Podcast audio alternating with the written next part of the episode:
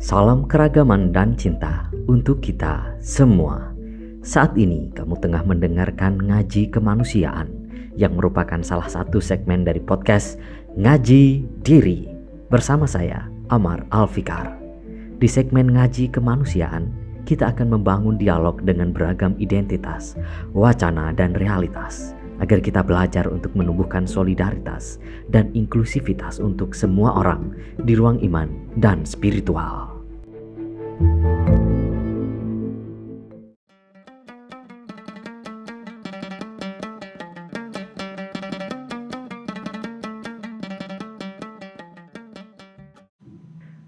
Di episode perdana segmen ngaji kemanusiaan kita kali ini, saya kedatangan tamu istimewa. Ageta Awijaya, seorang penatua sekaligus calon pendeta perempuan. Beliau juga sahabat saya nih di isu keragaman iman dan gender serta seksualitas. Nah, mari kita berkenalan langsung dengan beliau. Halo Gus, selamat sekali kita tidak bersua ya. Dan selamat uh, pagi, siang, sore, malam buat teman-teman yang sedang mendengarkan. Salam kenal, nama saya Ageta. Saat ini saya uh, sedang menjalani proses kependetaan di GKI Bandar Lampung. Salam kenal.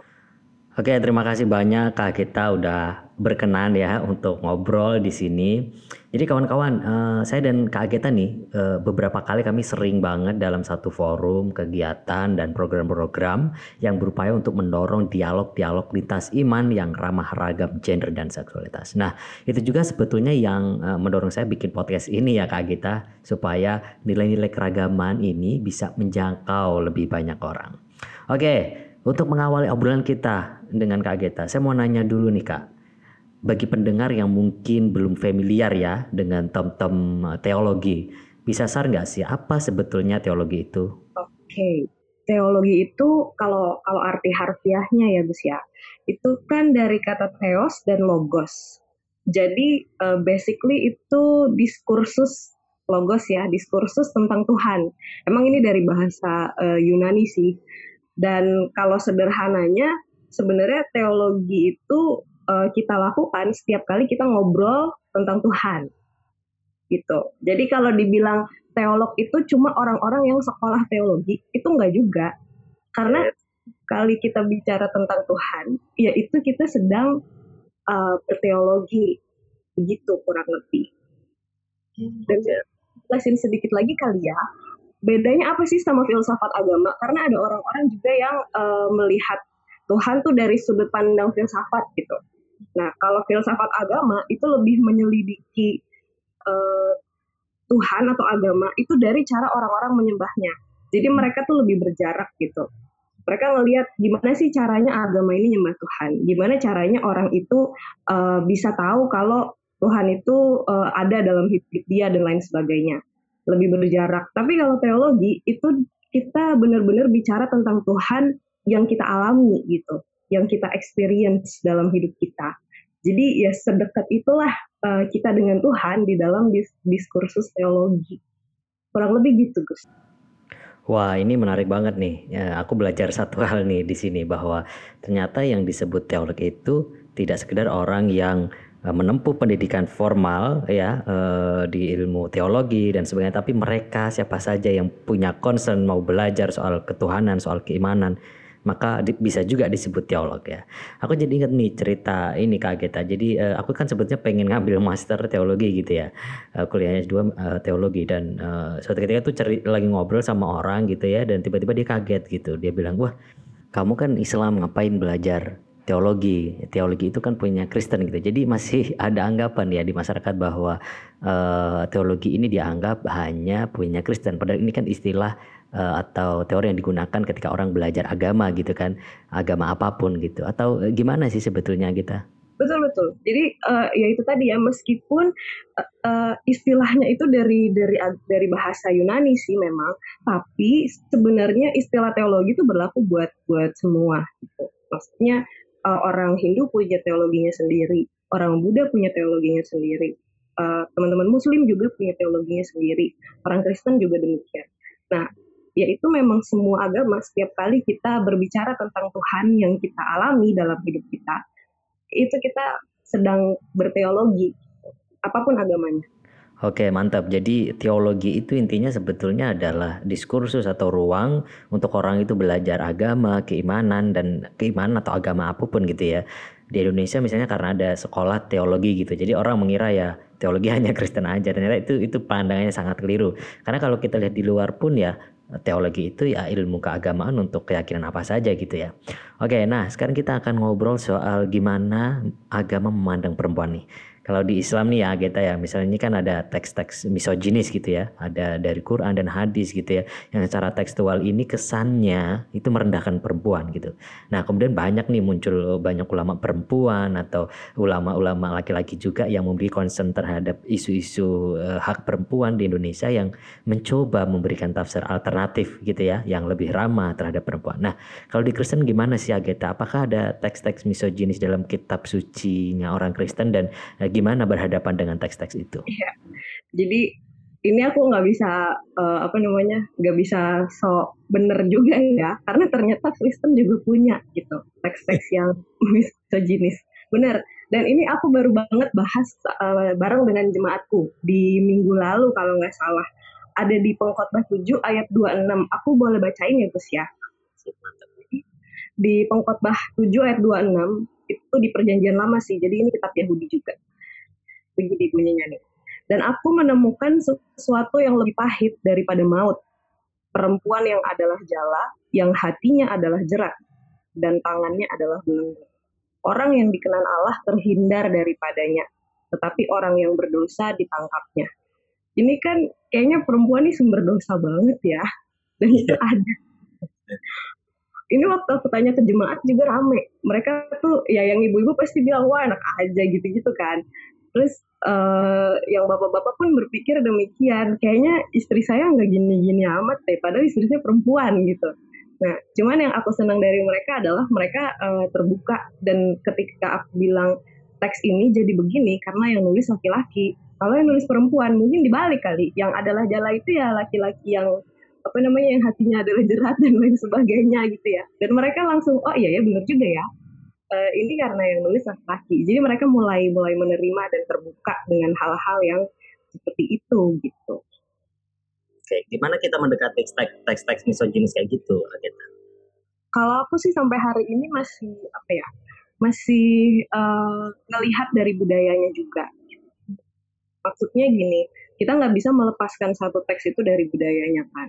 Dan uh, selama ini sih aku menjelaskan ke umat bah kalau kita baca sesuatu lihat juga dunia yang melatar belakanginya supaya apa? Supaya pesan asli dari teks itu kita dapetin gitu. Uh, jangan kita telan bulat-bulat terus langsung kita bawa ke dunia zaman sekarang. Wah itu fatal banget. Maksudnya uh, siapa juga yang sekarang ini mau mau hidup seperti zaman dulu gitu ya. Ketika uh, para perempuan sama sekali nggak boleh keluar rumah. Nah apalagi ini kan lagi hari kartini ya. Eh, maksudnya baru-baru ini kita kan um, merayakan Hari Kartini. Perjuangannya Kartini biar perempuan bisa keluar rumah aja udah udah bertahun-tahun lalu gitu dan kita bersyukur udah diperjuangkan uh, jadinya kita bisa keluar. Masa kita mau balik lagi? Nah, yang kayak gitu-gitu tuh uh, kadang aku terangkan juga supaya itu jadi pemahaman gitu. Karena kita nggak bisa juga mengcounter teks ini dengan apa namanya dengan bilang ini salah kan? Karena gimana pun ini ada dalam kitab suci gitu. Yang kita bisa lakukan adalah membuka pandangannya umat untuk ngerti sebenarnya apa yang ada di balik ini Iya, bener banget. Jadi memang teks-teks itu nggak bisa dihapus kan, ya kan? Tapi yang kita lakukan, yang bisa kita lakukan adalah melakukan tafsir atas teks-teks itu gitu ya.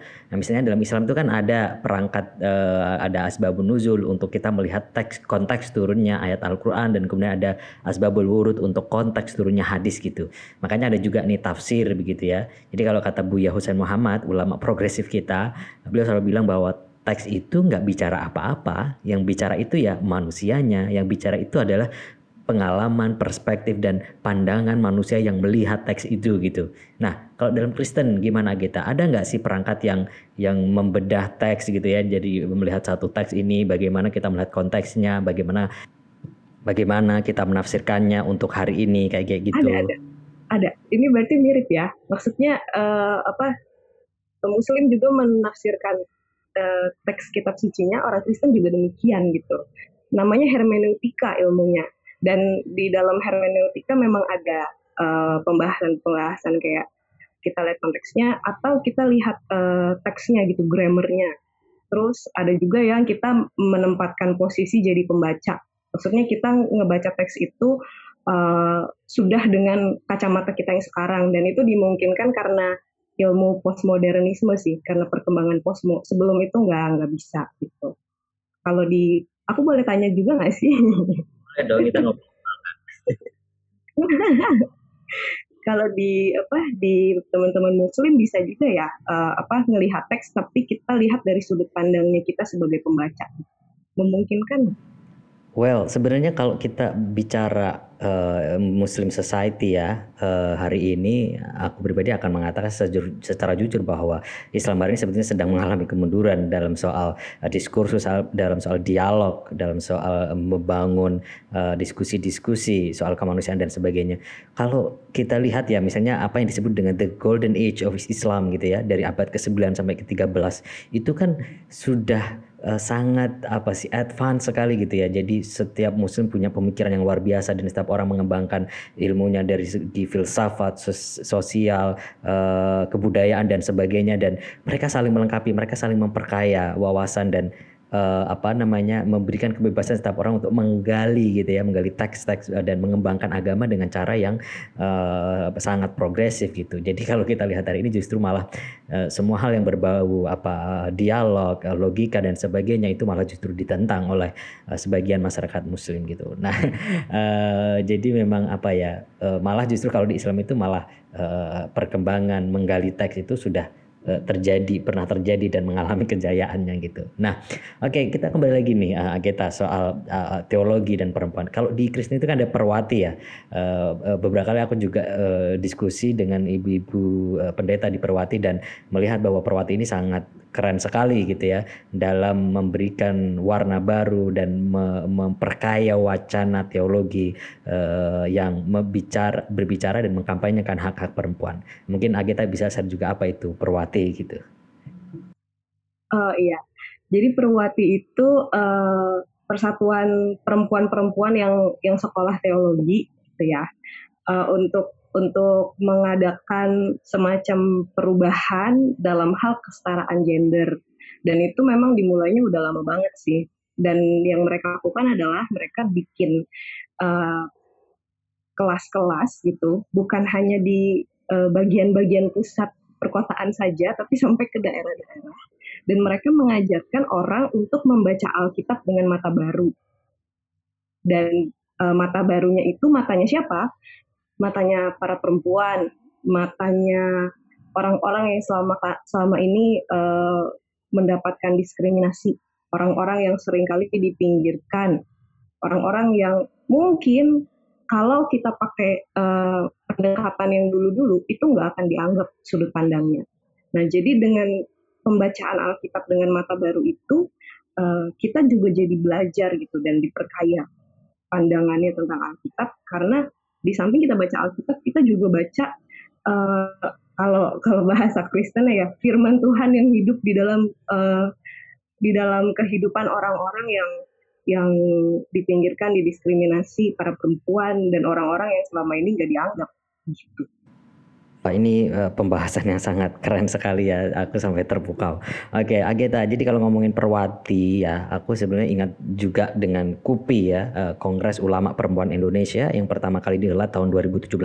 Jadi ini Kongres Ulama Perempuan yang sangat apa sih uh, luar biasa pertama kalinya di Indonesia dan uh, dari Kongres Ulama Perempuan ini juga melahirkan fatwa-fatwa tentang kekerasan seksual ya yang dianggap sebagai hal yang sangat haram dan uh, mereka yang tergabung dalam Kongres Ulama Perempuan ini menentang habis-habisan segala bentuk pelecehan, kekerasan dan sebagainya yang selama ini jarang di, di, dibincangkan uh, di ruang-ruang agama gitu. Nah, Bahkan penggunaan istilah ulama perempuan itu juga mencoba memberikan pesan besar ya bahwa orang berilmu, ulama itu juga bisa perempuan. Nah, uh, Kupi itu kan juga sangat aktif ya Ageta dalam mengapanyakan Islam yang merangkul kelompok rentan. Nah, itu yang tadi Ageta bilang ya, bagaimana melihat firman Tuhan dari kacamata orang yang tertindas.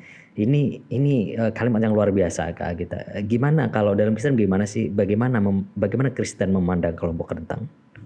Kalau soal gimana Kristen memandang kelompok rentan, aku juga nggak nggak boleh jadi nggak fair ya tentang ini. Maksudnya aku harus mengakui bahwa ada kalanya uh, orang-orang Kristen bahkan gereja gereja secara lembaga itu uh, taking for granted gitu, uh, memandang kehidupan kelompok rentan ini sebagai uh, sesuatu yang harus dibiarkan aja. Ada kalanya seperti itu. Bahkan uh, dulu gereja tuh pernah mengutip, ini gereja di Brazil ya, dulu gereja Katolik di Brazil, mengutip kata-kata Yesus yang waktu itu Yesus ngomong gini, orang Kristen tuh emang akan selalu ada uh, di dalam hidup kita. Dan dengan perkataan itu mereka uh, membenarkan pengabaian terhadap orang-orang miskin. Sorry, tadi aku bilang orang miskin kan ya. Jadi orang-orang miskin tuh selalu ada dalam hidup kita. Uh, dan karena itu gereja jadi mengabaikan orang miskin gitu.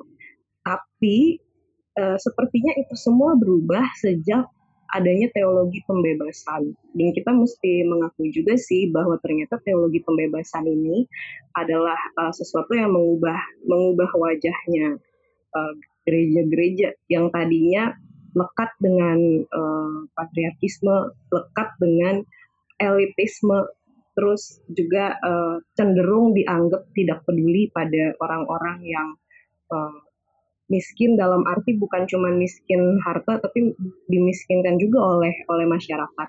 Sejak teologi pembebasan uh, itu jadi berubah gitu, Gus. Jadi kekristenan tuh juga akhirnya dilihat sebagai agama yang berpihak pada orang-orang yang sulit tapi itu pun nggak nggak terlepas dari perjuangannya orang-orang yang uh, didiskriminasi dan mengalami penderitaan itu sendiri. Mereka bersuara gitu. Dan karena mereka bersuara, uh, ya dengan kuasa Tuhan ya akhirnya gereja dibukakan kupingnya untuk mendengar. Dan sejak itulah baru uh, kita mulai aware dengan isu-isu uh, ketertindasan dan ketidakadilan. Sebelumnya ya kita pelaku ketidakadilan juga sebenarnya. Mungkin sampai sekarang kayaknya gitu memang dibutuhkan ini ya kebenar, keberanian sekaligus kejujuran untuk mengakui. Uh, ini jadi mengingatkan uh, aku juga uh, apa beberapa waktu lalu ya ada ada terorisme dan uh, banyak kesenian denial. Tapi aku melihat sudah mulai tumbuh juga nih kritik-kritik terhadap denial ini kayak ya udah nggak usah denial akui saja bahwa uh, apa di dalam Islam masih banyak teks atau ada tafsir yang memang me, apa ya mendorong kekerasan gitu.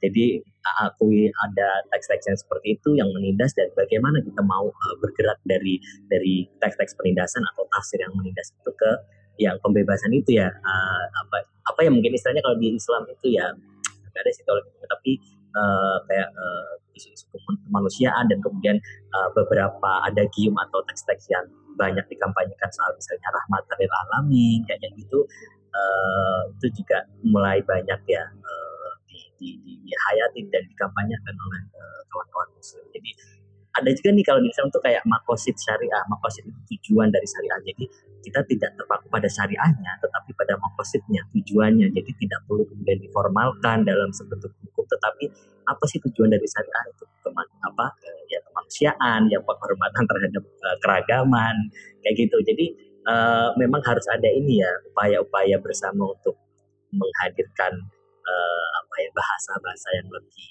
uh, merangkul ya, terutama nih untuk kelompok-kelompok rentan. Nah, kalau uh, ngomongin ini nih pembelaan ya, tadi kita udah jujur mengakui ya bahwa masing-masing agama punya punya apa ya, punya ruang-ruang yang menindas gitu ya.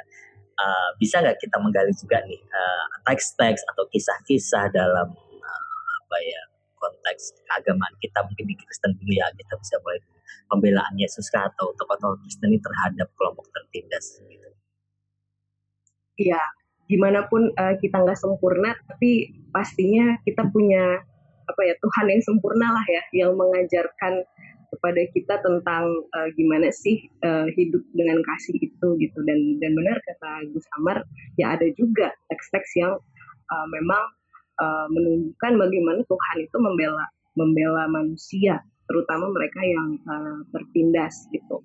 Kalau dalam hal ini uh, aku sih melihat bagaimana kisah hidup Yesus ya ketika Yesus dulu menyembuhkan orang-orang sakit.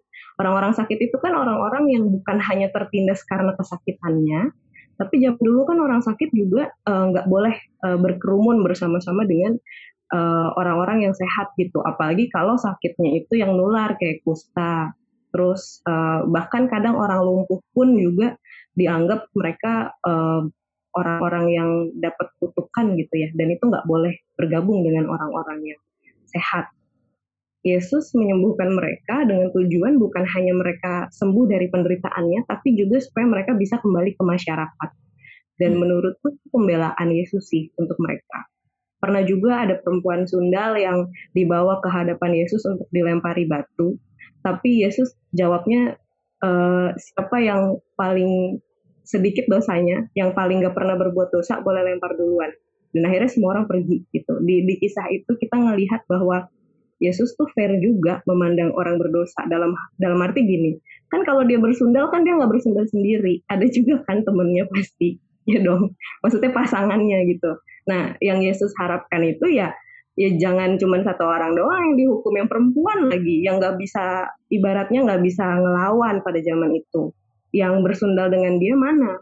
Mungkin itu pemuka agama yang diem-diem apa namanya uh, nggak mengakui dosanya gitu ya pada zaman itu gitu. Bisa juga kan itu terjadi dan mereka disembunyikan karena mereka punya power untuk menyembunyikan diri sementara si perempuan ini enggak akhirnya ya dialah yang kena belum lagi waktu Yesus ketemu dengan bangsa Samaria orang Samaria uh, di tepi sumur Yakub waktu itu.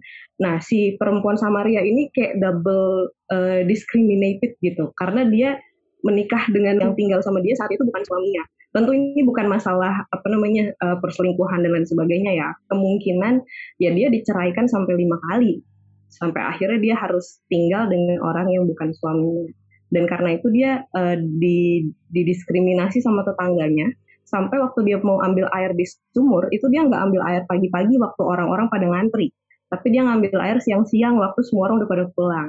Dan dia ketemu Yesus di situ tapi Yesus menyapa dia uh, dan bahkan menawari dia air hidup waktu itu ceritanya. Jadi sumber air yang tidak dapat habis dan maksudnya itu air itu bukan ya air literally air, tapi itu spirit yang ada dalam hatinya yang membuat dia nggak lagi ketakutan dengan identitasnya sebagai orang Samaria maupun dengan identitasnya sebagai perempuan yang menikah dan sepertinya diceraikan sampai lima kali begitu.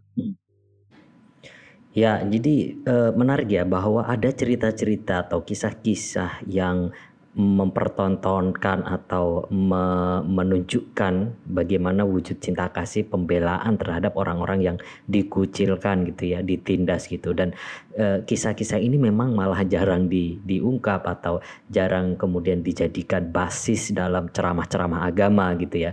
Jadi kalau e, misalnya aku dalam Islam ini ya e, ada juga banyak sebenarnya teks atau cerita yang menggambarkan bagaimana pembelaan Nabi Muhammad terhadap orang uh, yang tertindas begitu. Misalnya nih uh, muazin pertama yang ditunjuk oleh Nabi Muhammad itu adalah seorang budak berkulit hitam yang yang kemudian dimerdekakan gitu.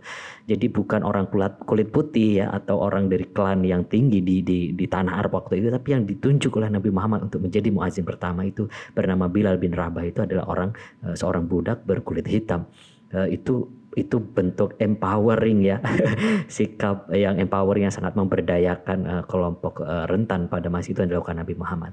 Nah ada juga ini uh, teks salah satu hadis ya uh, khutbatul wada atau pidato terakhir Nabi sebelum Nabi Muhammad meninggal ada ada teks bunyinya begini kak kita uh, aku akan bacakan ya. Jadi ya ayuhan nas ala Inna robbakum wahid wa inna abakum wahid ala la fadla li arabi ala ajami wala li ajami ala arabi wala li ahmaro al aswada wala aswada ala ahmaro illa bitaqwa. Jadi terjemahan itu begini.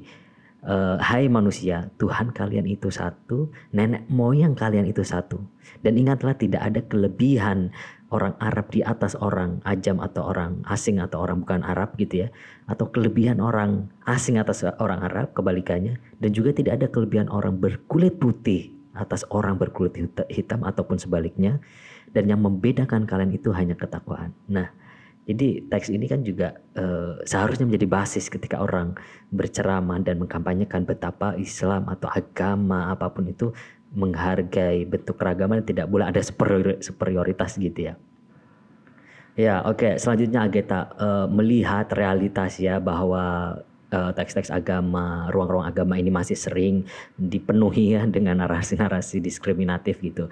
Um, apa pesan Ageta untuk orang-orang yang tengah atau mau belajar agama dan teologi yang mungkin masih terjebak atau masih melihat kayak wah agama ini kok patriarki sekali, diskriminatif sekali terhadap kelompok lainnya, terhadap keragaman. Apa pesanmu untuk untuk mereka, Ageta?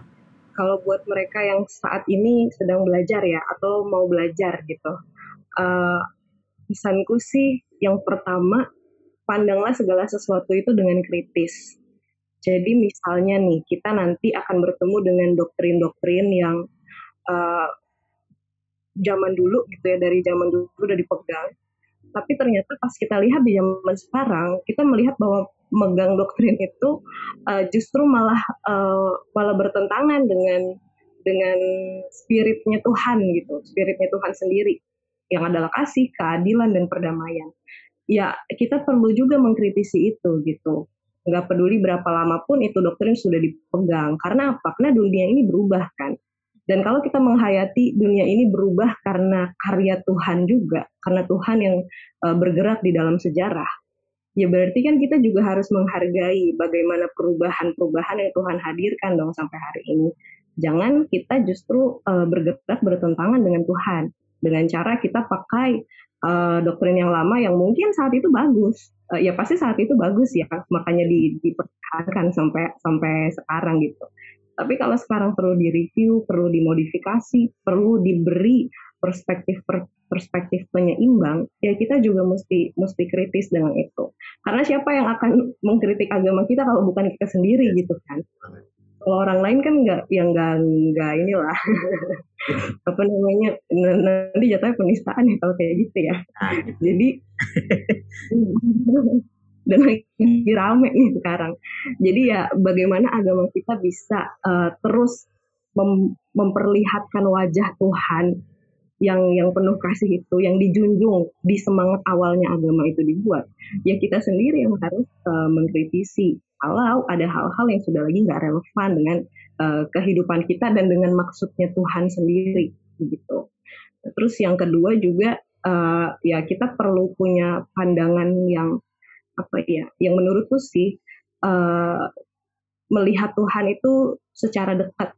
Jadi kita kalau benar-benar mau menghayati iman kita gitu, kita nggak bisa uh, lihat Tuhan itu hanya dari omongan orang doang atau hanya dari uh, kata-kata tulisan yang kita baca. Meskipun dari situ kita mengenal Tuhan.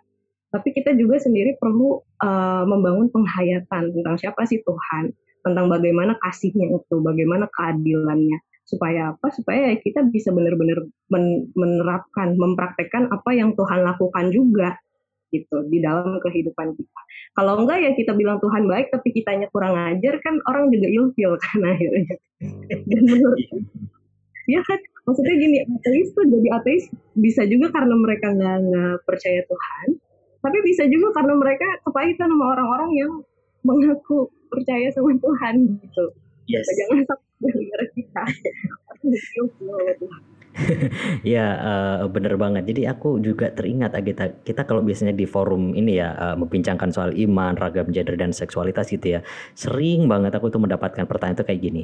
Gimana pendapat kakak terhadap orang-orang uh, minoritas gender dan seksualitas yang memilih untuk menjadi ateis? Dan aku hanya terpana dan aku akan selalu balik bertanya. Pertanyaan sebetulnya seharusnya adalah apa yang dilakukan oleh orang-orang agama sehingga orang itu lari dari agamanya jadi kenapa kita selalu mengejar orang yang pergi, tapi kita tidak mengejar apa, mengapa orang itu pergi? Apa yang menyebabkannya dia pergi gitu, terutama dalam konteks agama misalnya. Meskipun tentu saja kita mestinya tahap uh, sudah pada tahap uh, kita menghargai hak-hak orang itu mau beragama atau tidak beragama. Tapi dalam konteks orang yang uh, berkecimpung ya di ruang agama ini seharusnya menjadi refleksi ya. Uh, seharusnya kita uh, otokritik terhadap diri kita sendiri tapi memang dibutuhkan kelapangan besar untuk uh, untuk melihat ke dalam diri kita sendiri apa yang kita lakukan sebagai orang yang mengaku beragama sehingga banyak orang kemudian lari atau membenci agama kita gitu ya. Um, tentu nanti konteksnya beda dengan misalnya orang yang uh, misalnya orang yang fobia terhadap agama atau kemudian menyerang agama dan sebagainya itu beda lagi ceritanya. Tapi dalam konteks orang yang pergi meninggalkan agama gitu ya, ter, uh, sepanjang dia tidak melakukan apa sih namanya penghinaan gitu ya atau stigma terhadap orang beragama juga, artinya kita sebenarnya juga sedang ber, ber apa sih melawan berbagai bentuk stigma apa pun gitu ya, baik yang dilakukan oleh orang beragama terhadap orang tidak beragama ataupun sebaliknya. Jadi yang kita lawan bukanlah identitasnya tapi ada uh, perbuatannya gitu yang melakukan label-label buruk dan sebagainya. Nah, uh, oke okay, Agatha, uh, sekarang pesan terakhir nih ya. Uh, apa pesanmu untuk para perempuan, kelompok rentan ya, apa pun itu eh, kawan-kawan disabel, kawan-kawan minoritas gender dan seksualitas, kawan-kawan penghayat kepercayaan misalnya ataupun eh, kawan-kawan etnis minoritas juga yang di negara kita ini masih terus-menerus uh, menghadapi menerima stigma ya, diskriminasi yang menggunakan agama sebagai justifikasinya. Apa pesanmu untuk mereka? kalau buat uh, teman-teman perempuan dan juga uh, yang dikategorikan sebagai kelompok rentan secara umum, yang mau aku katakan adalah jangan takut untuk speak up. Kalaupun uh, saat ini kita belum berhasil memperjuangkan apa yang jadi hak-hak kita gitu ya, apa yang seharusnya uh, kita kita terima sebagai sesama manusia di dunia, minimal dengan suara kita di kemudian hari orang akan punya kesadaran gitu. Ini aku boleh cerita dikit soal Kartini ya di sini. Oke okay, dong, pas banget. uh, jadi yang aku uh, tertarik dari Kartini itu gini. Kartini itu kan sebenarnya perjuangannya nggak lama ya Gus ya. Umur 25 meninggal loh dia. Dan uh, dia baru bikin sekolah itu ya pas dia menikah dengan suaminya karena suaminya kasih kasih izin untuk uh, bangun sekolah perempuan di uh, kabupaten kantor Kabupaten Rembang waktu itu. Nah, yang dia lakukan itu belum banyak, apalagi kalau kita bandingkan mungkin dengan Dewi Sartika atau dengan pahlawan pahlawan-pahlawan perempuan yang lain. Tapi apa yang menjadikan Kartini ini uh, istimewa gitu ya? Istimewa uh, bukan berarti yang lain nggak istimewa. Maksudnya apa yang unik dari Kartini ini? Uh, dia itu di dalam masa hidupnya yang singkat itu dia menuliskan banyak uh, keresahan-keresahannya. Dan sebenarnya yang dia lakukan itu basically cuma nulis gitu di samping membangun sekolah. Tapi dari tulisan-tulisan dia itu, dari ungkapan-ungkapan kejujuran dia yang dia kirimkan kepada sahabatnya uh, di Belanda, akhirnya perubahan itu terjadi. Dan perubahan itu terjadi setelah dia meninggal gitu. Mr. Abendanon kan yang mempublikasikan surat-suratnya.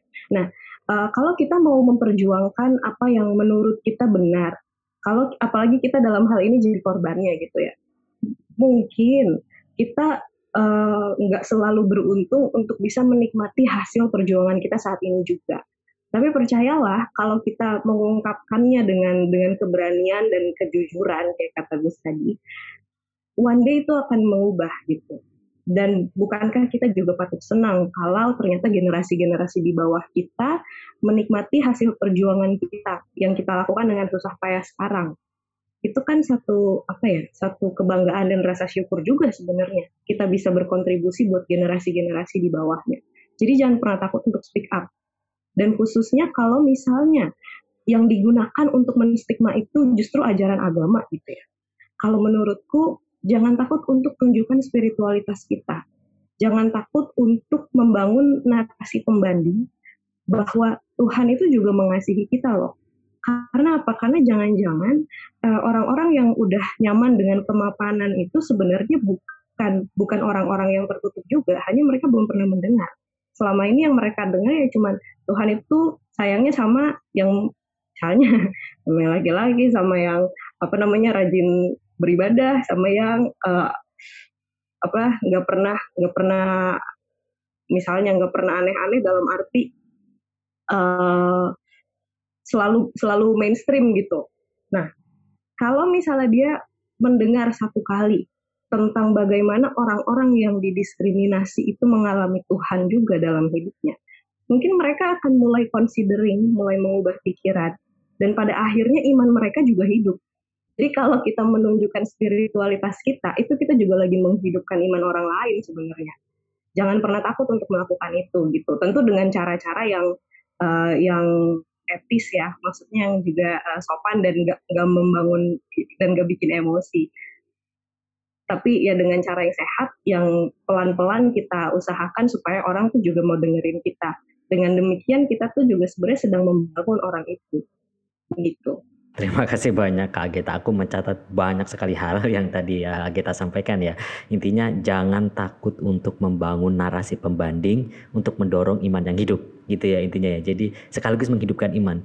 Jadi bukan iman yang sebatas alat-alat politik yang sering kali mas kita lihat ya digunakan hanya untuk menindas orang lain, tapi justru iman yang memberi cahaya dan pertolongan kemanusiaan bagi orang yang tertindas. Semua orang ya bahkan untuk juga mendorong inklusivitas gitu. Oke, uh, eh, makasih banyak ke Ageta uh, sudah hadir memberikan ceramah kemanusiaan untuk podcastku hari ini dan uh, dengan semangat Kartini ya. Uh, banyak nih orang yang mendiskreditkan Kartini ya, ah Kartini mah nulis doang dan sebagainya. Justru ya kita berjuang itu dengan cara apa pun dan setiap orang itu melawan stigma dan penindasan dengan caranya masing-masing gitu ya. Jadi mau nulis surat mau hanya nulis caption misalnya mau bikin konten di IG di tweet di Facebook di apa pun mau demonstrasi mengkritik pemerintah mengkritik religious abuse apa pun mau bikin vlog, TikTok dan termasuk podcast ya seperti yang kita lakukan sekarang. Jadi apa pun itu kita lakukan bareng-bareng untuk menumbuhkan semangat keadilan buat semua orang. Oke, jadi terima kasih banyak kawan-kawan yang sudah mendengarkan podcast hari ini. Uh, salam cinta, salam keragaman, dalam salam inklusivitas untuk kita semua. Assalamualaikum warahmatullahi wabarakatuh.